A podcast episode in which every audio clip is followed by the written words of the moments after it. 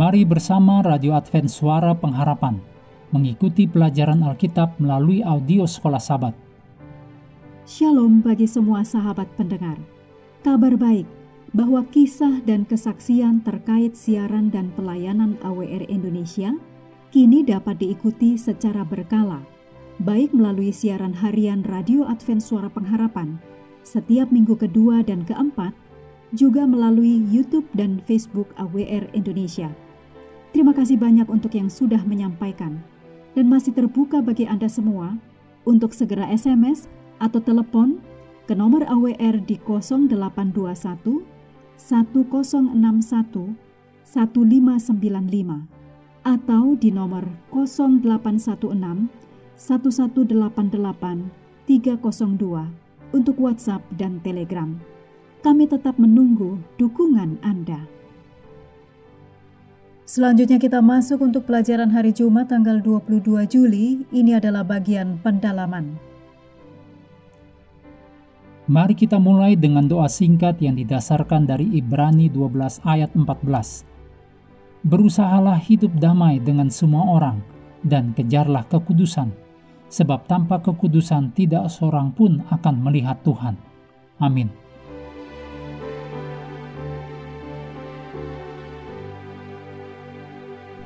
Anda perlu membaca tulisan Ellen G. White, judulnya Allah menjanjikan kepada kita hati yang baru, dalam buku Putra dan Putri Allah halaman 104.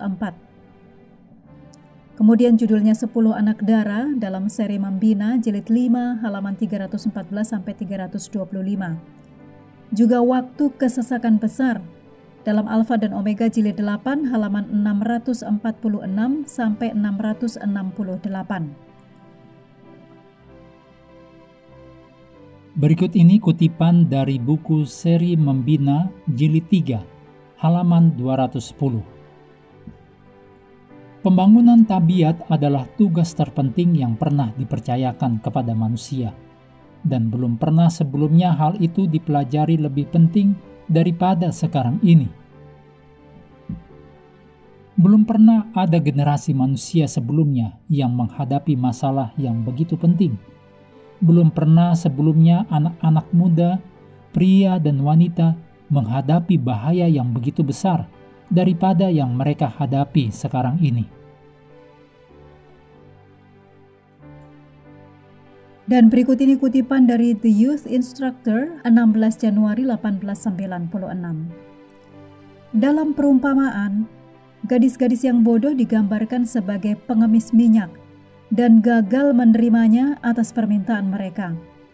Ini adalah simbol dari mereka yang belum mempersiapkan diri dalam mengembangkan karakter untuk berdiri di saat krisis. Seolah-olah mereka harus pergi ke tetangga mereka dan berkata, "Beri aku karaktermu, atau aku akan binasa."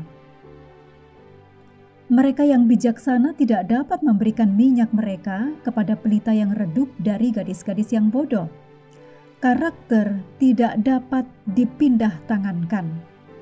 Itu tidak untuk dibeli atau dijual, itu harus diusahakan. Tuhan telah memberikan kepada setiap individu kesempatan untuk memperoleh karakter yang saleh melalui jam-jam percobaan. Tetapi Tuhan tidak menyediakan cara yang dengannya satu agen manusia dapat memberikan kepada orang lain karakter yang telah dia kembangkan melalui pengalaman yang sulit, melalui belajar pelajaran dari guru yang agung, sehingga dia dapat menunjukkan kesabaran di bawah pencobaan dan menjalankan keyakinan, sehingga dia bisa menyingkirkan gunung-gunung ketidakmungkinan. Berikut ini pertanyaan-pertanyaan untuk diskusi. Yang pertama, apakah yang dimaksud dengan pembangunan karakter? Bagaimanakah Anda bisa melakukan ini? Seberapa besar prioritas yang terlihat adalah pembangunan karakter dalam kehidupan Anda sendiri dan komunitas gereja Anda? Kedua, pelajaran hari Kamis membahas tentang pentingnya peran komunitas dalam kehidupan orang Kristen. Seberapa baik gereja setempat Anda berfungsi sebagai tubuh Kristus? Seberapa baik Anda mewakili Allah sebagai sebuah komunitas.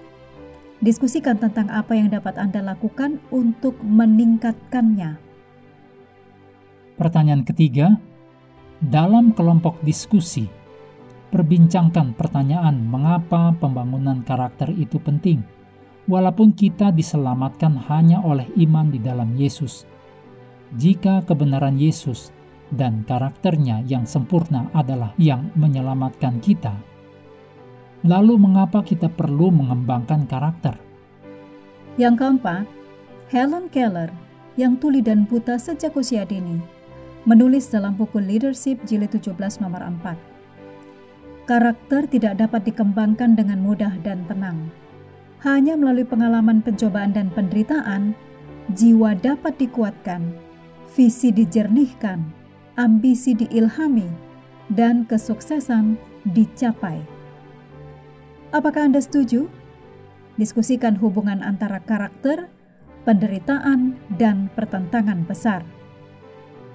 Mengakhiri pelajaran hari ini, mari kita kembali ke ayat hafalan kita dalam 2 Korintus 3 ayat 18. Dan kita semua mencerminkan kemuliaan Tuhan dengan muka yang tidak berselubung.